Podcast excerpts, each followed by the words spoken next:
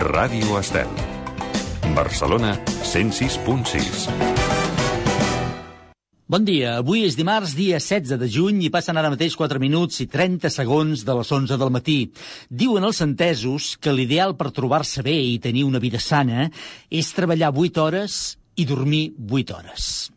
Molt bé. El problema és que hi ha gent que utilitza les mateixes 8 hores per fer les dues coses, és a dir, per treballar i per dormir, tota l'hora. I això em sembla que no funciona així. Benvinguts.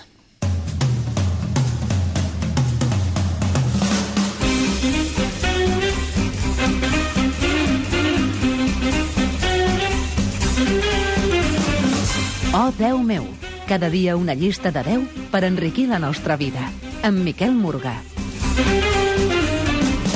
I a l'Odeu meu no ens és possible utilitzar les mateixes hores per dormir que per fer el programa. Ja us podeu imaginar que no funcionaria, però és que, a més a més, tot l'equip és un equip molt despert, un equip en guàrdia des del primer moment en què sona la sintonia del programa. Així que desperts, i ben desperts, i amb moltes ganes, estem disposats a portar el programa d'avui fins a les 12 sense cap incidència destacable. El control tècnic i muntatge musical, despert, molt despert, el veig, el tinc de meu, meu i té els ulls oberts com unes taronges. El Jordi Carretero, bon dia, Jordi.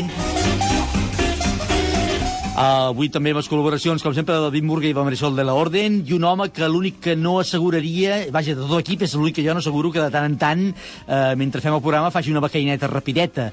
Bon dia, senyor Ramon. A ver, a ver, un momento, un momento, un momento. ¿Qué, qué, qué, qué me está dient? ¿Que yo me duermo mientras, mientras vostè fa el programa? bueno, bueno, alguna, alguna vegada, alguna vegada sí, alguna... bon, bon, bon, bon dia, senyor Miquel. Zap, zap,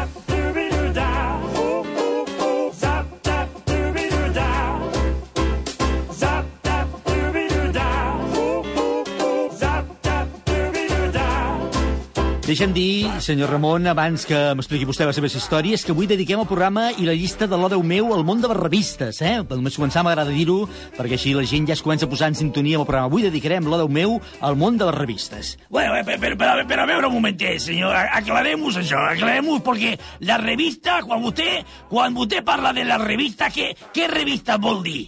Doncs miri, les revistes, senyor Ramon, eh? Quines revistes vols que siguin? Doncs, doncs que també vostè fa cada pregunta. Eh, eh, Escolti una cosa, una cosa, senyor Miquel, escolti. La pregunta que he fet no, no és perquè sí, eh? La- De revistes en poden ser de, de, de, de moltes maneres, eh? A veure, si plau, no compliquem les coses i no compliquem sobretot l'existència de l'audiència que, que ens està escoltant. Avui volem saber les revistes que veu la gent. Va, bueno, pues, pues vamos a ver, vamos a ver, pero pa, pa- para usted, escolti, para, para usted, ¿qué, ¿qué es una revista? Porque para, para mí podría ser la revista de llegir, por ejemplo, eh, pe- pero también podría ser la revista que feien a los teatres del Paral·lelo, allí fa molts anys, la, la Tania Doris i, i la Manya i totes aquestes. Ah, molt bé, ara, ara, entenc, ara entenc la pregunta, i a més a més té sentit, eh? No, no, no. Avui ens referirem a les revistes del quiosc, eh? Perquè ens entenguem. Les que es poden comprar al quiosc, o les que es poden veure digitalment per internet. Les revistes que llegeix o que ha llegit la gent. Ah, vale, vale, vale, vale, vale. I, i, i escolti una cosa, eh? Ja, ja, ja, pa, només per, per preguntar, ja, vo- vostè creu que, que hi ha prou revistes com per fer una llista de 10? Caram, i tant, si n'hi han. Se'n faria creus de la gran quantitat de revistes que existeixen i que han existit, moltes, moltíssimes. Ah, sí? Ah, vale, vale, vale, porque yo, yo a- aparte de Lola y de lecturas, escolti, fe, hi ha, hi ha més revistes, aparte de Lola i de lectures? Home, si tant. O sigui, vostè només llegeix Lola i lectures? No llegeix cap més? No, no, jo, jo no. Bueno, jo no, eh, jo no. Jo ni aquesta, jo. La meva Pilarín, que en pau descansi, sí. A, a casa, a casa sempre teníem o el Lola o el lectura, ja està, res més. I vostè no llegeix cap revista de res, de res, de res? Bueno, el, el, el, el Marca se pot considerar revista, senyor Miguel? No, el Marca no es pot considerar revista. Marca és un, un diari esportiu. Ah, vale, entonces no. Entonces no, no, no, no llegeixo revistes. Miri una cosa, senyor Ramon, a banda de les revistes del cor, que vostè en diu, aquesta de Lola, o de lectures, eh, hi, ha, vaja, hi ha moltes altres revistes eh, que, que són de tota mena, de, de tots els temes. Existeixen revistes de per tot, eh? Ah, vale, vale, vale. Pues, pues, pues ja estaré atento avui al programa per veure, a veure si aprendo alguna cosa, eh? Que eh? al final serà veritat eh, això que diu cada dia que, que aquest és un programa per aprender coses, eh? Sí, no ho sé si, si, si fa molta gràcia, però no sé si diu això eh, per dir-ho o és que és exactament així. Bé, el programa no és per aprendre exactament, el que sí que puc dir que pretenem que a banda de passar-nos-ho bé escoltant la ràdio i totes aquestes coses que es diuen sempre, doncs si podem enriquir-nos cada dia una mica més tot escoltant el que se'ns deriva de la llista que fem, doncs millor, no? Bueno, eh, pues, pues, pues sí senyor, pues, té, té tota la raó del món, sí, sí senyor, molt bé, molt, molt ben aplicat. Miri, escolti'm, de revistes n'hi ha de, del cor, que són segurament les més populars o més conegudes, o aquelles que coneix vostè, però també n'hi ha d'humor, n'hi ha de cotxes, n'hi ha de, jo què sé, de, de, de decoració, n'hi ha de moltes, de, de moltes coses. De decoració n'hi ha, no s'ho pot imaginar, que hi ha de decoració, de les quals em pots treure idees boníssimes per decorar la casa, per exemple. Ah, vale, vale, pues, pues miri, miri una, una cosa, una d'aquestes m'iria molt bé perquè, perquè tinc que decorar una mica el menjador de casa i no, i no sé exactament com fer-ho. Doncs ho veu? Miri, aquí, aquí miri, vostè compra una revista d'aquestes i segur que troba mobles, troba quadres, troba vaja, moltes coses, moltes idees per decorar i fer un canvi de look al seu menjador. Un canvi de què diu? Un canvi de look, home, un, un, altre, un altre traire, eh? Canviar una miqueta de colors, d'ambient, de, de decoració. Què, què ha de canviar exactament? La taula, la, les cadires, les làmpares... Ah, no, no, no, no, no, eh, te- te- tinc que canviar el hule de la taula. Perdó, què diu que ha de canviar? El hule, el, el, el tapete, eh, que, que ja fa uns quants anys que, que la tinc eh, la, la mateixa allí, pues ja, ja toca canviar-lo, perquè a més té, té ja uns quants forats ja, eh, i una, i una cremada també. Ja, bé, molt bé.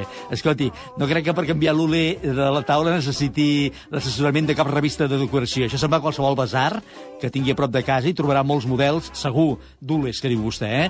Que per cert és una, una paraula que, en fi, em pensava que parlava, jo que sé, d'un canvi de decoració més més radical. Bueno, ja, ja, ja, ja, ja, ja, vaig, ja, ja vaig mirar a veure, vaig, vaig anar a un basar d'estos, eh, de, de, a veure si trobava el mateix dibuix de, de l'ule que tinc per canviar només els trossos que tenen forat, però no, no, no lo trobo perquè la tenda on va comprar aquest ule, la meva Pilarín, que en pau descansi, ja, ja, ja, ja, ja va tancar. Ja, és clar, deu fer molts anys, no? Bueno, pues, pues sí, sí, sí, això, això, això sería, pues yo qué sé, año 70, 77, bien, 77 o 70, el 78, eh, exactament, el 78 que va ser quan va fer aquello de, de la Constitució, eh? Sí, sí, me'n recordo que, que per celebrar-lo vam fer un sopar a casa con, con uns veïns que teníem i que van comprar aquest ule, sí, mire, ara, ara me'n recordo, sí. Home, doncs potser sí que ja toca canviar-lo, eh? Escolti, i si el canvia sencer, millor, eh? No canvi només els forats, senyor Ramon, que ja fa molts anys, home, no sigui rata. Canvi tot l'ule, no només els trossos que estan fets malbé. Vale, pues, pues res, pues sí. Escolti una cosa, vostè no deu tenir cap ule a casa que no faci servir, no? No, no tinc ulers a casa, eh?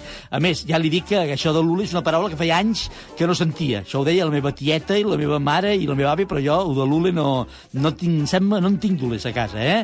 eh M'ha m'ha fet gràcia que vostè faci servir aquesta paraula. Escolti, un ule. M'ha recordat a casa fa molts, però molts, però molts anys, eh? Bueno, pues, pues res, res, a veure, a veure, aviam avui, avui quina revista surten, eh? Jo, jo si tingués que votar, eh, votaria o per Lola o per la lectura, eh? A Calli, que ara me'n recordo també, eh, 10 minutos, també, sí, el 10 minutos, esta era diferent, eh? eh Molt, molt diferent no era, eh? Eh, bueno, el 10 minutos era, era ya una cosa, una cosa especializada, ¿eh? Era, un- era una revista también 10 minutos, ¿no, señor Miquel? Sí, home, sí, sí, sí, és. Suposo que és, encara. Em sembla, eh? Em sembla que encara existeix. En fi, no em voldria equivocar, però que encara existeix. Per cert, escolti, li, li, li vaig aplicar un xiste de revistes. No, no cal, no, no, no, no. no. si, no si no vol, no és necessari que m'expliqui. Que sí, que sí, que sí, que miri, miri, l'explico, és molt curtell i molt bo. Miri, eh, eh, és un home que va al quiosco i li diu al quiosquero, li diu, el home al quiosquero li diu, hola, me da una revista, i, i el quiosquero li diu, hola, i, i ell li, li respon, hola, me da una revista, i el quiosquero, hola, i el hola, me da la revista, hola, i hola, me, lo, lo, lo entén, no, senyor Miquel? Entén, entén, la, entén, no?, que, que és el quiosquero que, que li deia si volia el hola, però el otro se pensava que li deia hola. Sa, sa, sap el que li vull dir, no? Sí, sí, ho havia entès perfectament. Sí, m'ha fet molta gràcia, eh, per cert. Sí, no, no es preocupi, és molt graciós aquest acudit. Bé, bé, bé, mo- mo- molta gràcia, no sembla que li hagi fet, eh? Esperi que encara, encara continua, eh? I després li diu, eh, de, de, després de que s'aclarilla eso de Lola, eh? Li diu, bueno, ¿me da una revista o no? y el kiosquero le diu, ¿10 minutos? Y, y el otro responde, bueno, ya me espero. Ara, que, que, a què bo, que l'ha entès, senyor Miquel? Sí, sí, l'he entès, l'he entès. Eh? Que, que hi deia 10 minuts per la revista i que, en fi, sí, això que diu vostè. I que l'altre pensava que hi deia que s'esperés 10 minuts, no? Ah, sí, eh, bueno, pues bé que sí que ho entès, sí, sí, sí. Bueno, bueno, escolti, sap què? Me- Me'n vaig a explicar xistes aquí al Jordi Tècnic, sí, porque este se riu més que vostè, que vostè és una mica, una mica soso con esas cosas, eh? Ah, sí, ell riu més, el Jordi riu? Ah, sí? Quan explica acudits, ell riu? Hombre, si riu, eh? És mo- És molt agradecit, eh, quan li explico els acudits. Doncs miri, l'altre dia no em va dir això, eh? Em va dir que no li feien gens de gràcia els seus acudits, no sé. No sé, a mi em diu una cosa i vostè n'ha de dir una altra. En fi, vagi, vagi, vagi, vagi. Jo no entenc gaire què passa, però vagi a explicar-la. Això, això, això, això li va dir, és, eh? Pues, pues mire que se riu cuando yo le explico, se riu, bueno, una mica, una mica forçat, sí, però, però bueno, escolti, li, li, va, li, vaig a, li vaig a explicar. Jordi, Jordi, escolta, que tinc un, un xiste que te vull explicar. Ara, vinga, deixa explicar acudits. Molt bé, ja s'han tret els acudits al damunt, ara és l'hora de començar el programa de veritat. Vinga, va, som-hi.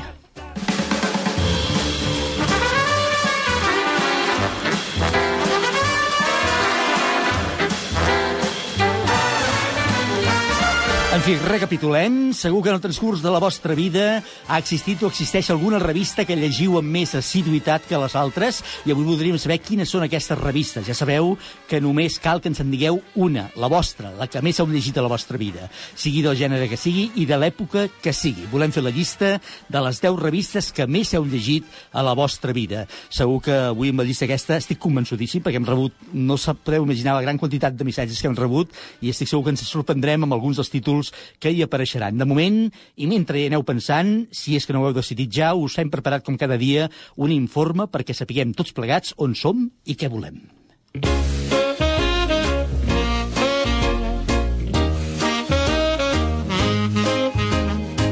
El món de les revistes de paper cuixer, com s'han vingut a anomenar tota la vida, està passant per una etapa delicada i conflictiva, estant com estem en l'era de la digitalització. De fet, això ha estat el que ha fet replantejar-se a molta d'aquestes revistes de tota la vida la seva continuïtat o no en el mercat. De tot el munt de revistes que es publiquen, de diferents temàtiques i sectors, les que sembla que aguanten més tota aquesta embestida digital continuen essent les revistes del cor. L'anomenada premsa rosa es manté forta i ancorada al quiosc, i difícilment hi ha cap circumstància que faci trontollar aquesta continuïtat. Els orígens d'aquests tipus de premsa a Catalunya es remunten als segles XVII i XVIII. Aleshores existien algunes capçaleres com Caixón de Sastre Catalán. Tot i així, no és fins al principi del segle XX quan apareixen les primeres capçaleres modernes. Durant la Guerra Civil Espanyola van adquirir una certa popularitat revistes humorístiques com ara Papito o El Bé Negre, que només van ser superades per la revista infantil En Patufet. Aquesta, amb una tirada mai igualada de 60.000 exemplars, va contribuir de manera decisiva en l'educació en català de diverses generacions. Després de la guerra i com a conseqüència de la dictadura, moltes d'aquestes publicacions van passar per moments difícils i només es van anar recuperant les posicions a mesura que el règim franquista ho va permetre. Va ser aleshores quan van aparèixer revistes amb voluntat de resistència, com ara Destino i, sobretot, Serrador, que van esdevenir referents d'una cultura represaliada. Mentrestant, però, la premsa rosa anava obtenint més popularitat a tota Espanya i en castellà. Apareixen en aquelles dècades revistes especialitzades com Semana, Hola o 10 Minutos, que actualment seguim coneixent. I una revista que ja feia anys que circulava, Lectures, acaba per especialitzar-se en crònica social. Més tard sortiren revistes com Pronto, QMD o Cuore. En aquestes últimes revistes predomina el to humorístic per captar un públic molt més jove. Però el món de les revistes no s'acaba amb la premsa del cor. Publicacions especialitzades de tota mena acaparen els espais dels quioscos i van trobant el seu públic en cada sector de la societat. De mobles, de viatges, de bricolatge, de cotxes, d'humor... Segur que tothom pot arribar a trobar aquella publicació que s'adiu més a les seves necessitats, tant d'oci com professionals. Tot i aquest daltabaix en l'era digital, les revistes continuen essent protagonistes de la vida de gairebé tothom, i segur que n'hi ha una que heu llegit o continueu llegint amb més assiduïtat que les altres. Avui busquem les 10 revistes que més heu llegit a la vostra vida. Ens dieu quina és la vostra? Així que seieu tranquil·lament per saber si a la fi la vostra revista forma part del top 10 d'avui. Atenció, perquè aquí comença l'O Déu meu. Oh, Déu meu, de dilluns a divendres d'11 a 12 del matí a Ràdio Estel.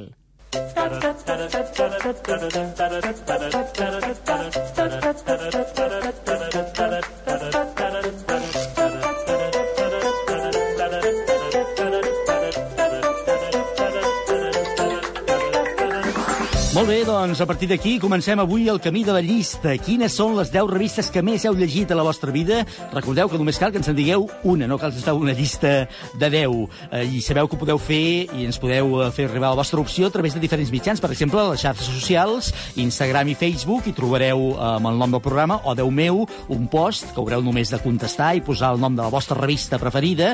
Ens podeu enviar un correu electrònic a odeumeu arroba radiostel.cat, odeumeu arroba radiostel.cat, o utilitzar el nostre número exclusiu habilitat pel WhatsApp, que és el 644 34 30 10. 644 34 30 10. Aquí ens agrada molt que ens envieu notes de veu, de fet ja ho feu d'un dia per l'altre, perquè així es podem escoltar, però també ens podeu enviar, evidentment, missatges escrits. 644 34 30 10. 644 34 30 10. Fins al final del programa teniu encara temps de fer-nos arribar les vostres opcions per aquesta llista de les 10 revistes que més heu llegit a la vostra vida. I recordeu, a més a més, cosa important, que entre tots els que participeu, tots, la vostra opció hagi entrat a la llista o no, entrareu a formar part d'un sorteig d'un lot de vins Lovers Wine Elegance. M'agrada saber cada dia que em tens, que et tinc, que ens tenim.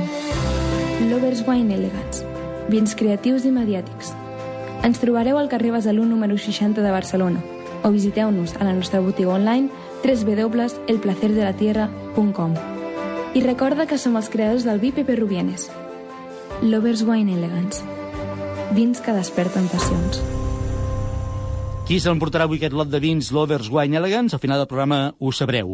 Ja sabeu que des que ahir anunciàvem la llista d'avui, aquesta de les 10 revistes que més heu llegit de la vostra vida, ja vam començar a rebre les vostres opcions, els vostres missatges a través de diferents mitjans, amb notes de veu també, com us deia, algunes de les quals són aquestes. Hola, bon dia. Uh, la revista que més m'agrada és la revista Sapiens. Va, l'adéu-siau. Hola, soy Rafael Vázquez. Buenos días. Eh, yo he pasado muy buenos momentos leyendo la revista del jueves. Gracias. La que més jo he llegit va ser El cavall fort. El vam començar a llegir de molt jovenets i el vaig estar llegint durant molts anys. La meva revista predilecta es diu Sapiens i, tra i tracta sobre història. M'agrada perquè parla d'històries desconegudes, afers ocults i coses sorprenents. Jo, les, les, les revistes que llegia i, i llegeixo són la revista El Temps, la revista Serra d'Or eh, i la revista Caramella, que és de tradicions i de, de coses vàries aquí del Lluçanès. Oh, Déu meu!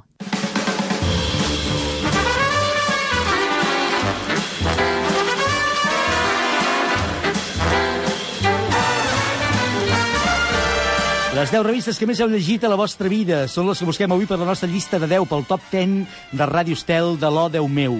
I ja sabeu que cada dia hi posem una cançó per il·lustrar la llista eh, i avui aquesta cançó ens porta cap a les Illes de Mallorca i a la música d'Antònia Font, d'aquells, un tema que precisament té tota una història darrere i que s'amaga precisament també darrere d'una revista. I quan va sortir sol, després de quatre dies, pensaves i fumaves darrere una revista. Són massa domicilis de moure tots els mobles, receptes italianes, és massa temps amb obres i quan va sortir sol després de quatre dies vares dir has vist. Suposta amb un somriure.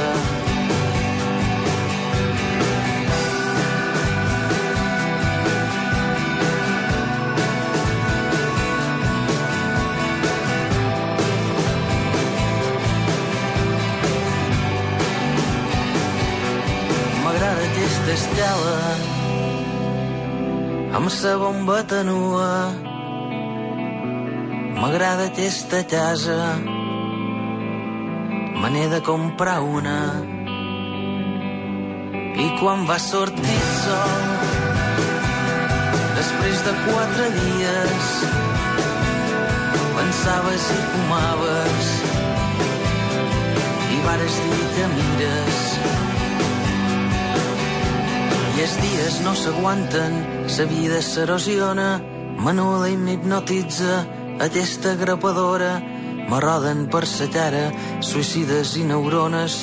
Ja no sé què me queda i no sé si me funciona.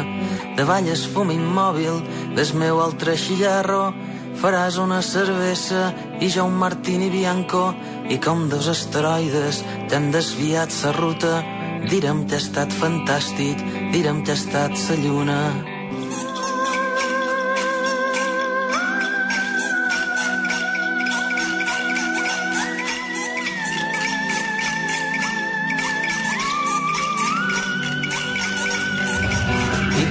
El sol, després de quatre dies, pensaves i fumaves. Darrere una revista. Som massa domicilis. De moure tots els mobles, receptes italianes, és massa temps amb obres quan va sortir sol. Després de quatre dies i vares dies vist suposta amb un somriure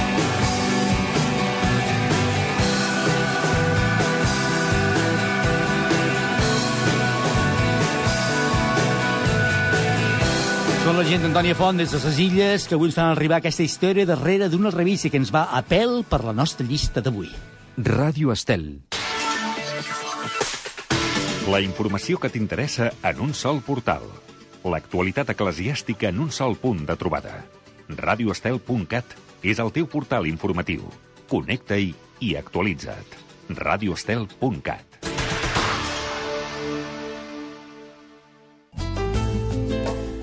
Coral Columbaris, les cendres del teu ésser estimat en un espai sagrat. T'oferim el lloguer d'un columbari per una urna per només 19 amb 30 euros al mes o 193 euros anuals. A Coral disposem de columbaris a catedrals i parròquies de Catalunya. La millor elecció per mantenir el record. Més informació al 900 535 911 o a coralmemorial.com. Vols fer una comanda a Laboratoris Maen? Doncs apunta el nostre número de telèfon. 669 56 17 68. 669 56 17 68. Els nostres operadors estan aquí per atendre't. Agafaran la teva trucada, tramitaran la comanda i resoldran qualsevol dubte que tinguis. Recorda, si has escoltat l'espai Salut Natural per tothom i t'has quedat amb cap producte natural que t'interessa, només ens has de trucar 669 56 17 68. Els productes naturals Maen al teu abast. 669 56 17 68.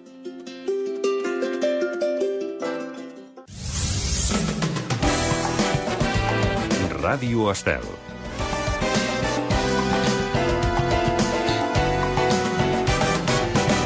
Oh, Déu meu, amb Miquel Morgà.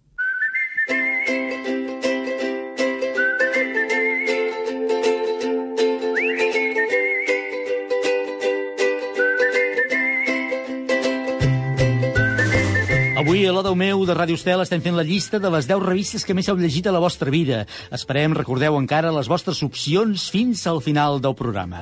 El món de les revistes, sobretot de les revistes del cor, no li va ser aliè durant molt de temps, durant molts anys, el convidat que avui ens acompanya i que ja ens espera al telèfon. Les dècades dels 80 i dels 90, entre els anys gloriosos aquells anteriors a la nova cançó i després el boom del rock català dels 90, hi van aparèixer un munt d'autors i d'intèrprets en català que van constituir una part del món musical a Catalunya que algú ha vingut a anomenar amb el temps la generació perduda, precisament perquè quedaven col·locats enmig d'aquests dos grans blocs musicals que jo ara els deia. Però aquesta generació no va ser tan perduda pel nostre convidat d'avui, que hi va destacar especialment i que va aportar a la música feta en català un plus afegit, tot demostrant que es podia cantar en català i ser gairebé també al mateix temps un sex símbol, eh, tenir clubs de fans, més seguidores que seguidors, per cert, i que entre aquests fans hi podia entrar a formar part de manera habitual a les llistes d'èxits de les grans cadenes de ràdio musicals. Mentre, per exemple, Bertino Osborne triomfava cantant en castellà, el nostre convidat d'avui triomfava cantant en català, i no amb menys èxit que el primer, per cert. Santi Vendrell, bon dia i moltíssimes gràcies per acompanyar-nos avui. Bon dia, Miquel. Ai, si estimar-te pogués un instant fora del meu boig amor. Tendre aventura dels meus pensaments sàvia amargura dels teus sentiments. I els teus cabells llargs lluent blanc i negre dels dies passats de color negre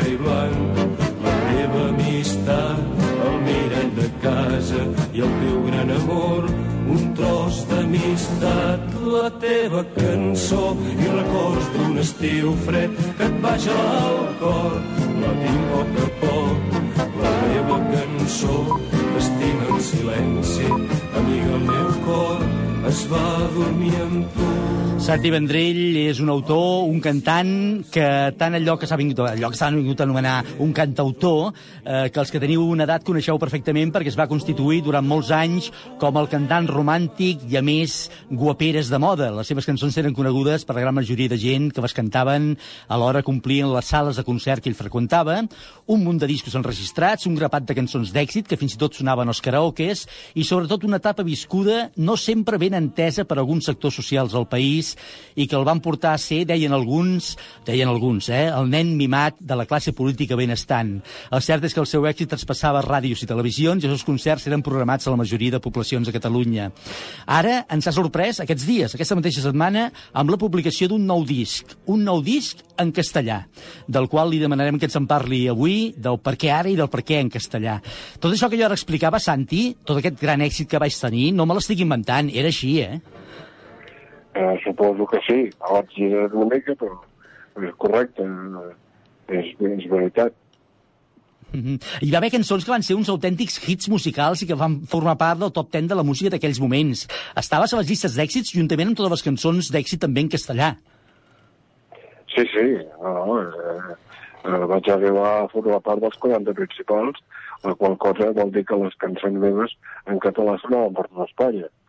Eh, teòricament era l'únic que havia aconseguit, no sé per què, no sé si vaig caure bé al senyor Rever, que era el jefe dels 40 principals a Madrid, però vaig tenir la, la, aquesta gran sort, per dir-ho d'alguna manera, de caure-li bé. De vegades va més caure en gràcia que ser graciós. Mm -hmm. Tu vas començar a cantar molt jove, Santi. Vas tenir molt d'èxit. Ara, amb el pas del temps, després de tots aquests anys, com ho recordes? Com ho vas viure, tot allò? Home, era més jove cantava amb tu.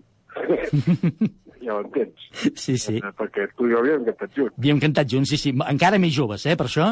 Sí, sí, clar, per això, encara més jove, encara més jove cantava amb tu. Mm -hmm. I tinc molt bons records d'aquella època. Mm -hmm. Eh, la pregunta era que... que... No, no, l'èxit precisament et va venir precisament quan vas deixar de cantar amb mi. Això és una altra història. Per, per tant, per tant l'èxit el vas tenir tu. I ara em preguntava com, com ho vius ara, amb el pas del temps? Com ho vas viure allò? Com ho recordes?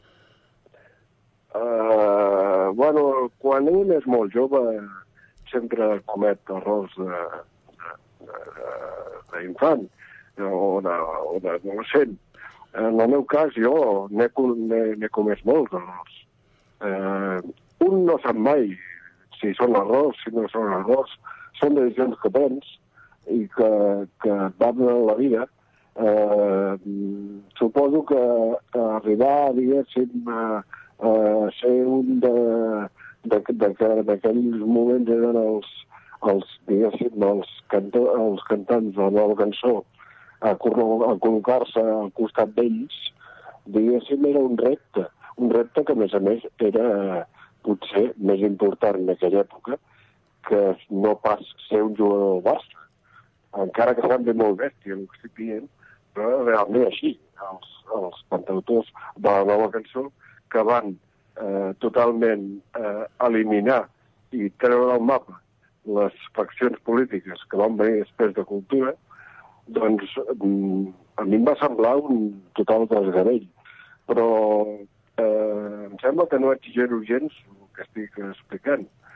I tu ho recordes més que ningú, Miquel. Mm -hmm. De fet, tu veníem d'unes dècades, com tu molt molt explicaves ara, on la música que es feia en català estava molt lligada al món de la resistència contra la dictadura. Uh, tu apareixes en la nova etapa democràtica, la dècada dels 80. Uh, aleshores, es va dir molt que les institucions abandonaven les cançons en català, o la música feta en català, i va haver molta gent que es va queixar. Uh, I, en principi, uh, tu, uh, però, la teva proposta era donar un aire nou, en principi allunyat de les esferes polítiques i socials, més, ter- més en el terreny comercial, per entendre'ns. Això va haver qui no ho va entendre mai, eh? Jo penso, jo penso, eh, sincerament i honradament, que el tema comercial eh, és un tema que eh, anava lligat a mi i als antecessors de mi. És a dir, eh, parlo dels més... De, no vull dir el cap nom, perquè no, no vull assenyalar ningú, però absolutament tots i tenien cançons d'amor, i van triomfar amb cançons d'amor, i tenien èxits comercials. No eren èxits reivindicatius. De cap mena. Perquè els calés de la butxaca els fotien ells. I a costa de- d'això, molts es van enriquir. I molts van, van tenir la sort de gaudir d'una època en què, precisament, eh, veníem de la repressió del, del franquista i eh, aquesta repressió portava a que la gent eh, reivindicava eh, a través de la música doncs, eh, tots aquests eh, valors i volia els cantants més que res, en el, més que una altra cosa.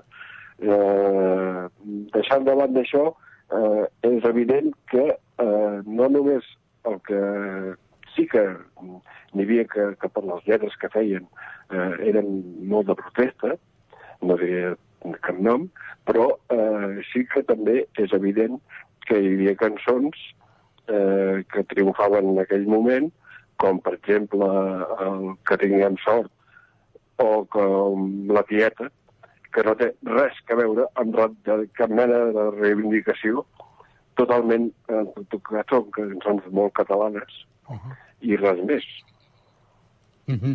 Escolta, jo, jo deia al principi, Santi, que, que mentre Albertino Osborne, jo ho deia una mica en, en plan de broma, però és que era, era veritat, era així, que mentre Albertino Osborne triomfava en castellà, tu ho feies en català, però és que realment era així, tu acostumaves a, a cantar més al costat, per exemple, d'Albertino Osborne que no pas de la gent de la nova cançó, no?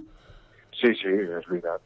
Tot i que vaig tenir alguna vegada, algun, algun, alguna, alguna ocasió eh, que he cantat amb gent de la nova cançó i tal, però, però no, sí, eh, estem comparava o estava més en comparació d'aquestes coses.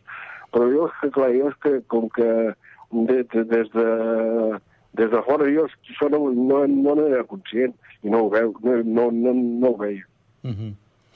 Vas enregistrar un grapat de discos amb cançons que van tenir un èxit considerable, algunes d'elles, sempre en català. Ara, uns anys després, i quan ningú no ens ho esperàvem, apareixes amb això. El tiempo de cerezas fue todo lo que quedó de niñeces de amor. Los sueños fueron aflorando en mis nidos de adiós. Fueron aguardando en romperse uno a uno, en cambiar de color. La vida desgarraba furtiva entre tabaco y ron. Viste como el tiempo hizo madurar mi voz, voz que de lamentos ha hecho madurar mi adiós. Sol de madrugada que no me dejó dormir, tiempo de cerezas, como añoro tu sentir. Tiempo de Cerezas és un disc en castellà que s'ha publicat aquesta mateixa setmana, fa no res, fa quatre dies, però no és un disc enregistrat ara, Santi. Per què no us ho expliques? No, explica, ho, explica, ho intentaré explicar re, molt resumidament. A veure, eh, és un disc que jo tenia guardat al calaix, per dir alguna cosa, records, i que en el seu moment no, no, no, no va pretendre mai sortir a la llum. Això és una maqueta que es va fer en el seu moment, que pretenia eh, donar eh, autoconvença de que també sabia composar i cantar en castellà i eh, més que res la voluntat eh, primària del fet de fer aquestes cançons, que algunes eh, han estat eh, adaptades al català i s'han cantat en català, també, com aquesta. eh, però, diguéssim, estaven pensades perquè les cantés eh, gent que cantava en castellà. Uh -huh. El que passa que pels motius que fossin, jo, almenys la gent que jo vaig conèixer, que vaig ensenyar aquestes cançons, doncs a ningú li va interessar o no s'adaptava al seu registre vocal, per dir alguna cosa, no les podien cantar o no les volien cantar. I aleshores, com que no les volgut cantar mai ningú, al final, doncs, um, bueno, uh, últimament també he de dir que amb, amb els dos anys i mig anteriors jo he tingut una enfermetat doncs, que m'ha deixat eh, impossibilitat de les cames i els braços, la qual cosa ha sigut bastant patètica i trista per part meva, eh, perquè és una enfermetat que, bueno, que m'ha caigut del cel i, i l'estic suportant bé i no tinc cap problema, però eh, al mateix temps doncs, eh, eh, vaig pensar que com que tenia un amic que és el millor productor discogràfic, que a més a més és el que em va llançar en català, que és el Joan Carles de l'Altre Tricap, doncs eh, vaig pensar que el millor ell ho volia, ho volia editar. Li vaig pro- proposar el tema i, i em va dir que sí, que, que cap problema i que, i que vaig pensar que seria bo que la gent conegués aquestes cançons, que a més a més eh, hi ha algunes cançons que mai van estar que, o sigui, totes aquestes cançons van estar eh, fetes en castellà. Eh, diguem, van néixer en castellà. I algunes d'elles jo les vaig adaptar al català perquè, perquè es, es poguessin cantar en català ja que ningú les volia cantar en castellà. Per tant, són cançons que vas, tu vas escriure originàriament en castellà, eh? Que quedi clar això, sí. Sí, sí, aquestes van néixer en castellà. Mm -hmm.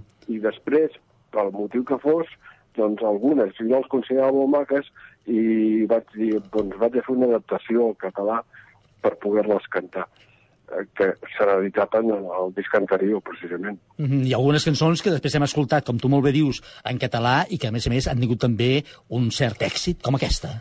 Estar enamorado es cruzar el sol y apagar las estrellas, llegar hasta otra dimensión donde las nieves cubren las praderas, sentir vida en el corazón, hacer el amor mirándole a los ojos. Ver cómo burla la razón. Y acariciar incluso los despojos. Estar enamorado es sentirte un loco hablando a las farolas, saltos y gritarle al mar para que su nombre entre en las caracolas. Vivir, vivir, solo vivir y acariciar cada instante que muere. Soñar despierto hasta morir y hablar con ella lo que sucede.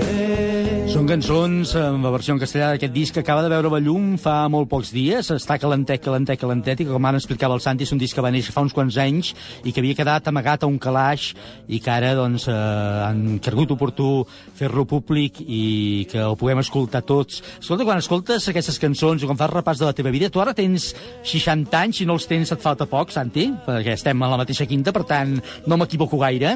Eh, quan mires enrere, et fa més mal que bé pensar en el passat o no? T'agrada recordar el que passava abans?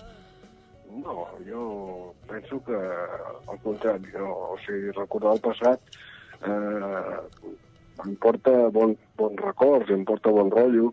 Eh, evidentment, eh, mm, quan un té l'experiència del seu pas propi passat, sempre faria les coses segurament diferents eh, coses que ha fet anteriorment, però eh, tampoc porta res. Per tant, mm, el, el que sí que estic és content, no? I em sento content de tenir els records que tinc. Mm -hmm. Escolta, els darrers anys, les darreres dècades de la teva vida estan molt lligats a Girona i a l'Empordà, molt concretament. Per alguna raó especial? Per una raó molt especial. Sí, si hi ha alguna raó especial per la qual has tirat cap a Girona i cap a l'Empordà i no cap a la Cerdanya, jo que sé, o al Tarragonès. Sí, sí, bueno, la Cerdanya per tant a això. Sí, sí, és veritat. Sí, sí home, sí. Però, però, sí, sí, però, diguéssim, eh, com ho explicaria jo? Eh, Girona diu que té una mala entrada i una pitjor sortida. Això vol dir que eh, costa molt entrar, però sortir encara costa més. Suposo que em vaig quedar enamorat de, del que és l'Empordà, del que és la Cerdanya, del que és Girona, i que aquí, diguéssim, tenia, no sé, més, eh, hi havia més catalanisme que no pas a Barcelona, les coses polítiques, que mm -hmm. és així. I, i bueno, al principi va ser aquest el motiu. No, no va ser pas perquè perquè jo també tinc molt bon record de Sant Boi, que és de, Mm -hmm. de, de, de, de, de, i aquesta, la cançó primera i el títol del disc, Sí, que tinc que, dir, tinc que fer un parell de punts. per favor. Eh, és el primer disc que he editat eh, que el guitarrista sóc jo. o sigui, en cap dels discos havia tocat la guitarra, en aquest sí, perquè possiblement, com que he explicat abans, té una maqueta, doncs, eh, doncs eh, vaig tocar jo la guitarra i altres vegades doncs, havia guitarristes molt bon- boníssims, però que, que, que, que no la tocava jo, Mm -hmm. amb la guitarra. I després, eh, parlant de, de, de Sant Boi i tot, tot plegat, i, de, i del títol que es diu Temps de Cireres, o Tiempo de Cerezas, en castellà, que va néixer en castellà, però pensant en català, evidentment. Pensava en català, però escrivia en castellà. És curiós el tema aquest, eh? Però Mhm. és així. Bueno, les cireres estan molt lligades a la terra que et va veure néixer, a la comarca, al Baix Llobregat, esclar. Eh, correcte, correcte, perquè a més a més tinc, eh, tu saps perfectament com, perquè també ets Sant Boi, eh, que al costat de Sant Boi hi ha un poble que diu Sant Climent, uh Mhm. -huh. Llobregat, que es fan les cireres més bones de tot Catalunya. Ara s'enfadaran els de Torrelles, ho saps, no? Sí, ho sé, però és que... és veritat, és veritat. Torrelles també són païs, és veritat. I molt bones, també. El que passa que, a veure, eh, nosaltres anàvem a peu des de Sant Boi fins a Sant Climent, que està tocant, És veritat. i anàvem, eh, en aquells moments, i anàvem amb l'avi Pasqual, que era un avi que era l'avi de, de tots els nens que hi havíem. Tu, tu encara, encara no, no, no estaves...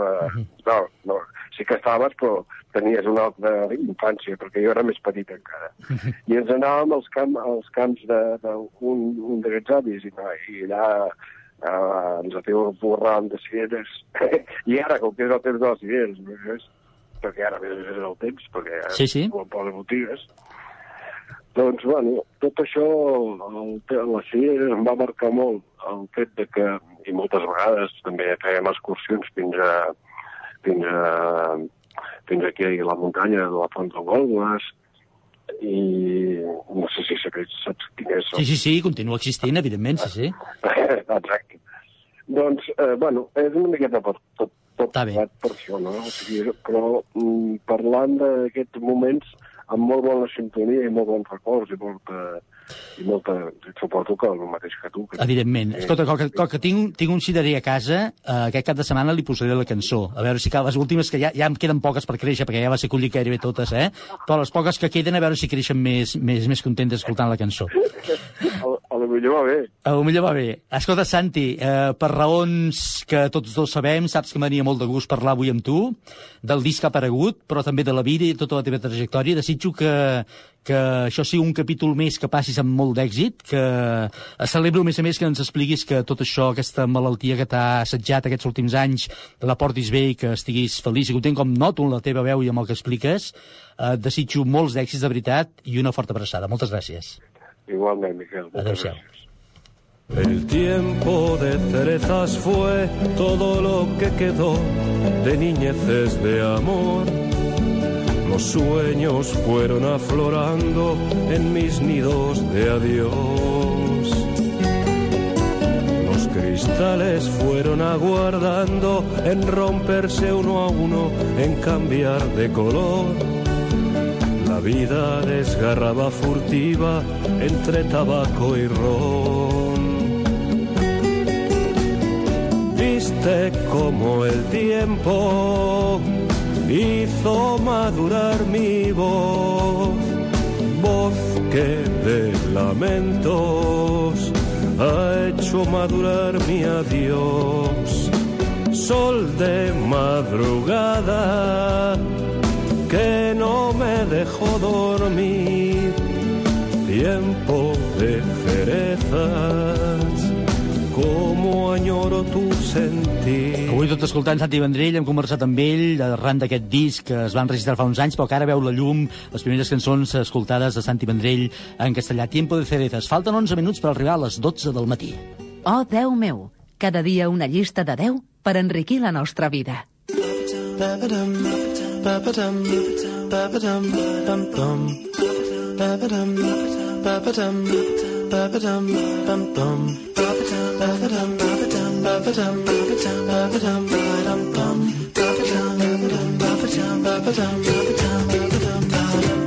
Abans hem escoltat ja algunes de les vostres opcions a la nostra llista d'avui. Aquesta llista amb les 10 revistes que més heu llegit a la vostra vida. Les hem escoltat en forma d'àudio. Tenim alguns missatges escrits, molts, avui molts, eh? no els podrem llegir tots, però faig un repàs ràpid d'alguns d'ells. Per exemple, a les xarxes socials hem rebut el missatge del Marquès Josep que diu la revista Viajar.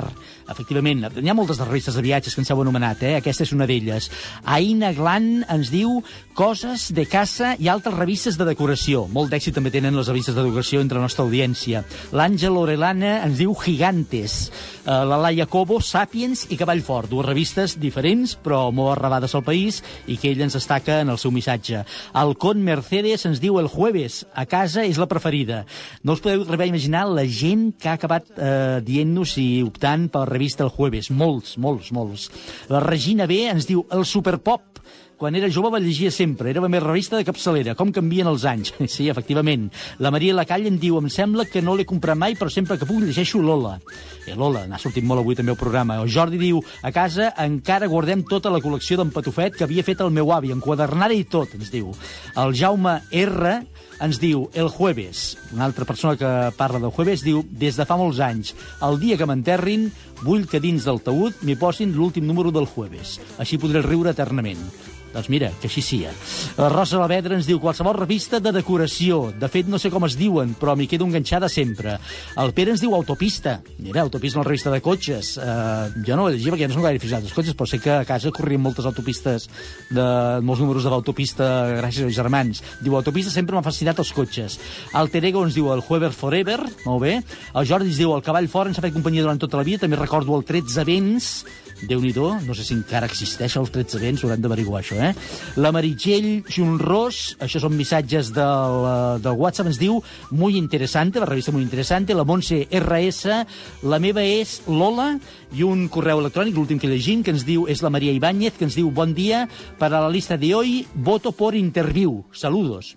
Mira, doncs eh, tenim revistes de tota mena i color. I falten 8 minuts per arribar a les 12. I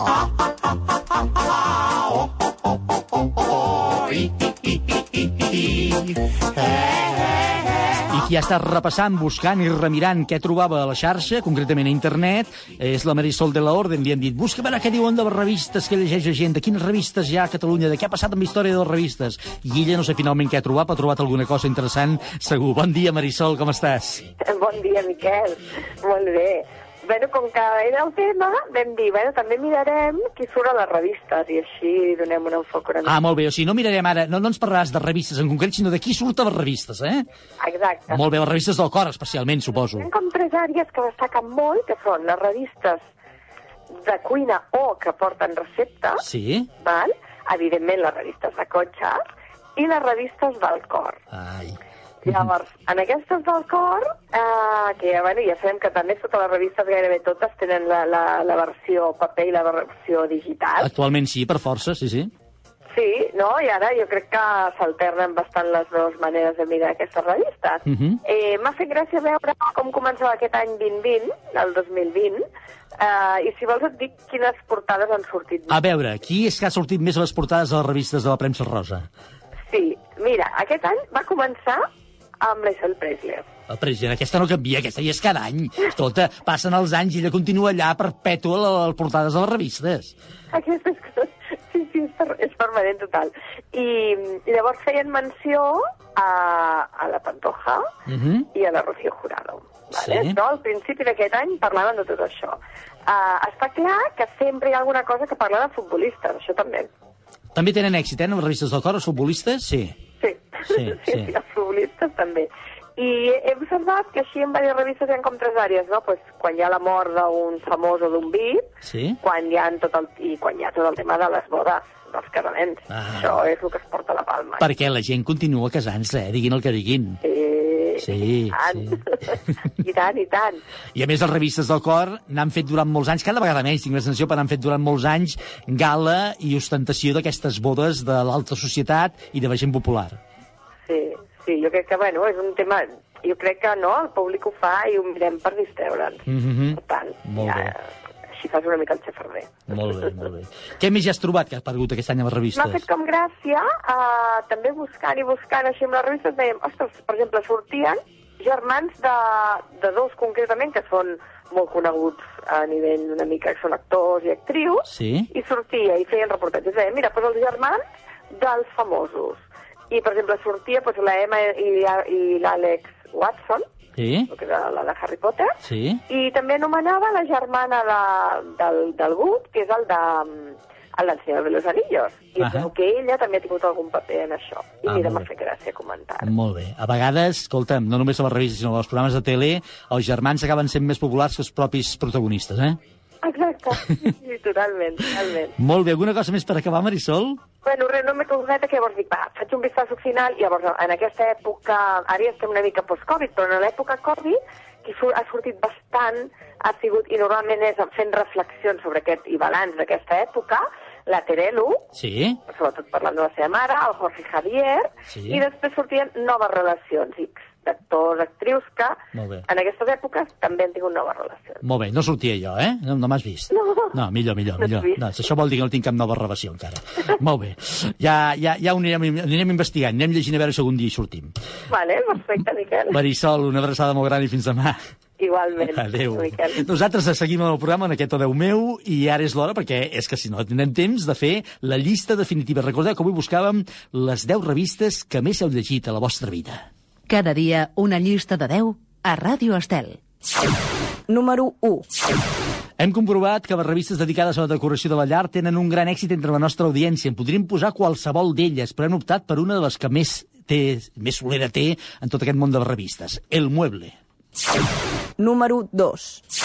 Segurament és la revista del cor més popular a tot Espanya. N'existeixen diferents versions a Llatinoamèrica i també a Gran Bretanya, Grècia, Rússia, Turquia, els Emirats Àrabs Units i Tailàndia. Hola! Número 3.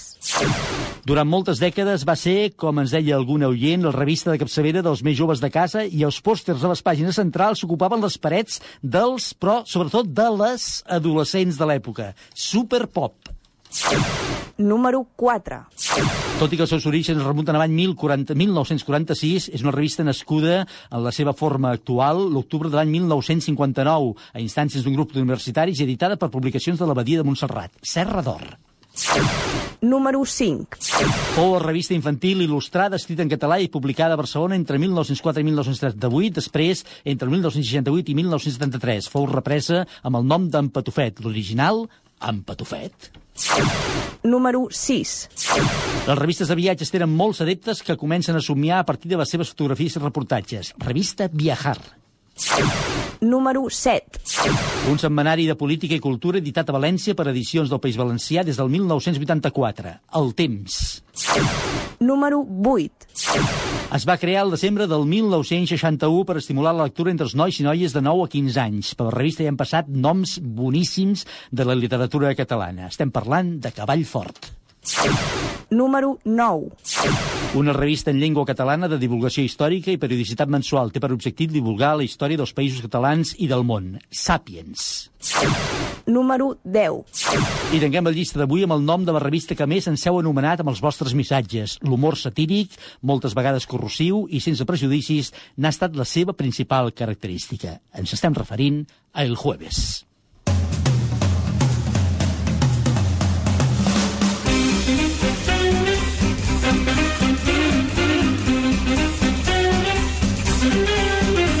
Ja la tenim, ja tenim aquesta llista amb les 10 revistes que més heu llegit a la vostra vida. Moltes gràcies a tots per participar-hi i ajudar-nos a fer aquest O Déu meu d'avui. Ja sabeu que entre tots els que hi heu participat, ara mateix eh, sortirà un guanyador d'aquest lot de vins Lovers Wine Elegance que avui l'enviarem al Jordi, que ens deia a casa encara guardem tota la col·lecció d'en Patufet que havia fet el meu avi, enquadernada i tot. Doncs mira, aquesta col·lecció d'en Patufet que ens has explicat t'ha fet guanyar aquest lot de vins Lovers Wine Elegance.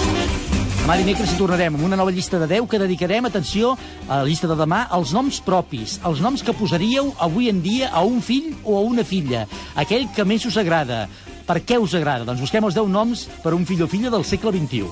I penseu i ens feu arribar les vostres opcions, sobretot amb notes de veu, al 644 34 30 10. Gràcies a tothom per participar-hi. Un dia més el programa estat possible gràcies a Jordi Carreteros, el control tècnic muntatge musical, el David Murga i el Marisol de l'Orden, que ens han acompanyat avui, i el senyor Ramon. Demà hi tornarem a partir de les 11 i pocs minutets. Fins aleshores, que tingueu un molt bon dia i una mica més de paciència, que això ja estava a recte final, eh? Adéu-siau. Oh, Déu meu, amb Miquel Morgà.